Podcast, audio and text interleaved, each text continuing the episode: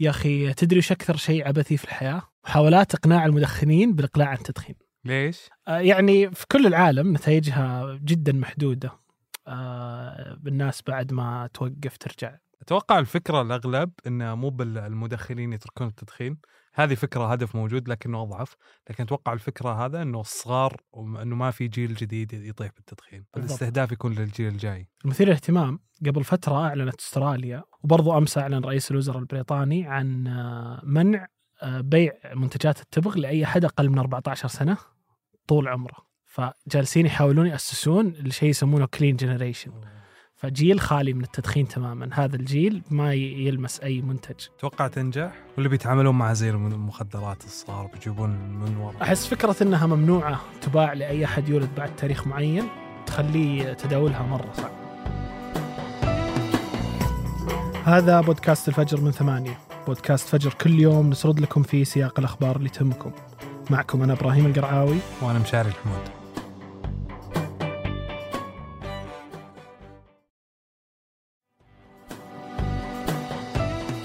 عملية غير مسبوقة في تاريخ إسرائيل ونحن نتحدث عن إعلان حالة الحرب منذ بداية منذ عام 73 أعلن قائد كتائب القسام الجناح العسكري لحركة حماس محمد الضيف أمس السبت عن إطلاق عملية طوفان الأقصى ضد الاحتلال الإسرائيلي. وأطلقت حركة حماس أكثر من خمسة آلاف صاروخ من قطاع غزة نحو الأراضي المحتلة في الساعات الأولى من صباح يوم أمس السبت. وأعلن محمد الضيف بأن سبب الهجوم كان غضبا على ما وصفه بالجرائم الصهيونية بحق المقدسات والمعتقلين وردا على عمليات الاقتحام المتواصلة لمدن الضفة وبسبب استمرار الحصار على غزة. فإننا نعلن بدء عملية طوفان الأقصى. واندلعت النيران في عسقلان بعد أن وصلتها الصواريخ التي أطلقت من قطاع غزة. وسمعت صافرات الإنذار في مناطق مختلفة في الأراضي المحتلة. في الساعات الأولى من صباح السبت. وردت قوات الاحتلال بإطلاق عملية السيوف الحديدية ضد أهداف للحركة في قطاع غزة. فيما أكد الرئيس الفلسطيني محمود عباس على حق الشعب الفلسطيني في الدفاع عن نفسه. وأكد عباس على ضرورة توفير الحماية للفلسطينيين وحقهم في الدفاع في مواجهة إرهاب المستوطنين وقوات الاحتلال. في المقابل أبلغ رئيس الوزراء الإسرائيلي بنيامين نتنياهو بلاده بأنها في حالة حرب مع حركة حماس. وأمر نتنياهو في خطاب تلفزيوني باستدعاء جنود الاحتياط ووعد حماس بأنها ستدفع ثمنا لم تعرفه حتى الآن. بدي أحكي شيء واحد. حركة حماس فتحت أبواب جهنم على قطاع غزة.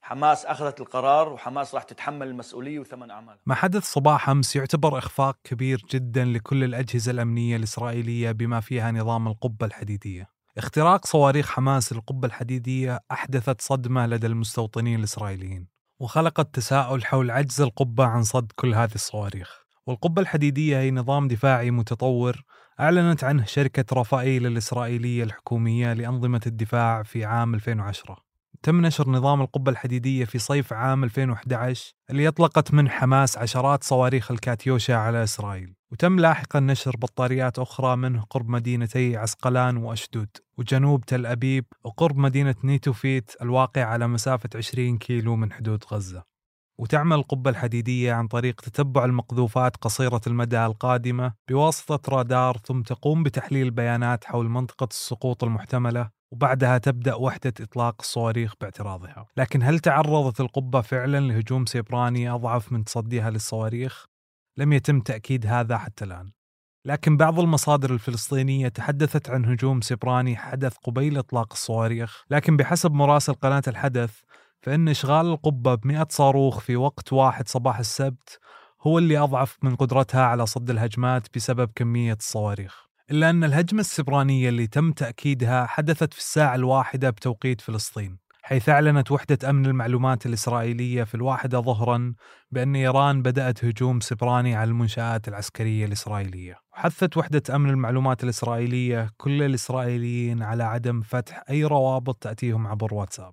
هذه الهجمات الفلسطينية جت في توقيت حذرت فيه السعودية من مخاطر انفجار الأوضاع نتيجة استمرار الاحتلال وحرمان الشعب الفلسطيني من حقوقه المشروعة وتكرار الاستفزازات الممنهجة ضد مقدساته.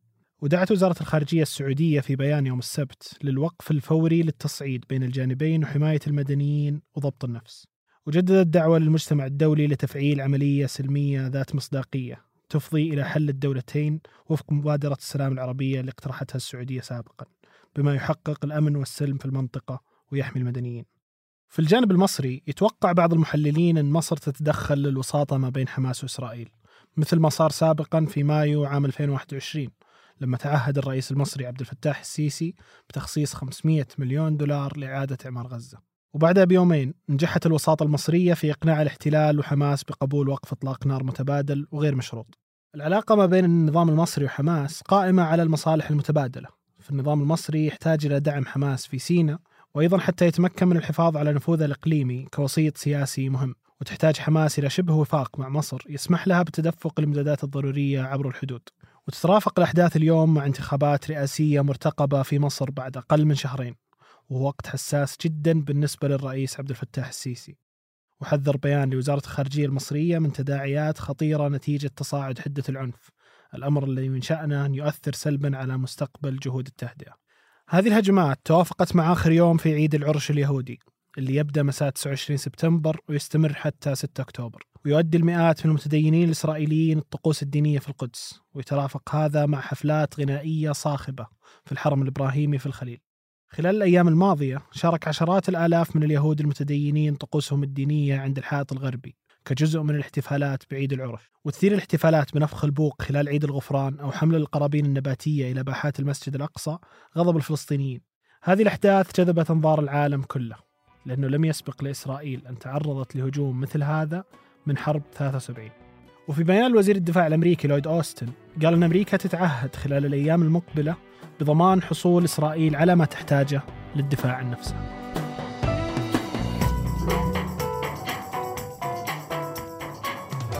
قبل ننهي الحلقة هذه أخبار على السريع. ديزني توقع اتفاقية ترخيص مع دار رف للنشر التابعة للمجموعة السعودية للأبحاث والإعلام لنشر 92 قصة من قصص ديزني الشهيرة للأطفال في السعودية والشرق الأوسط وشمال أفريقيا. تتضمن الاتفاقية نشر 48 قصة مترجمة للغة العربية و44 قصة باللغة الإنجليزية. ومجموعة من أشهر قصص الأطفال في العالم من ديزني ومارفل وستار وورز. وتهدف هذه الاتفاقية على معالجة النقص الموجود في سوق أدب الطفل العربي وبناء أساليب تواصل جديدة مع جميع الأعمار وغرس شغف القراءة وتحفيز خيال الأطفال في منطقة الشرق الأوسط وشمال أفريقيا. دوري كرة السلة الأمريكي ال NBA منفتح لاستثمارات محتملة من السعودية والإمارات وباقي دول الخليج. وقال نائب رئيس الدوري إنها فرصة مناسبة لصناديق الثروة السيادية من الرياض وأبو ظبي للحصول على أقلية خاملة 20% أو أقل في فرق الدوري. ويتوقع أن هذه الخطوة ممكن تتم بعد صفقة جهاز قطر للاستثمار اللي حصلت بموجبها على حصة تناهز 5% في الشركة الأم لفريق واشنطن ويزردز إضافة إلى أن شركة مبادل للاستثمار من أبو ظبي أبدت اهتمامها بملكية أندية في دوري كرة السلة الأمريكي قبل فترة.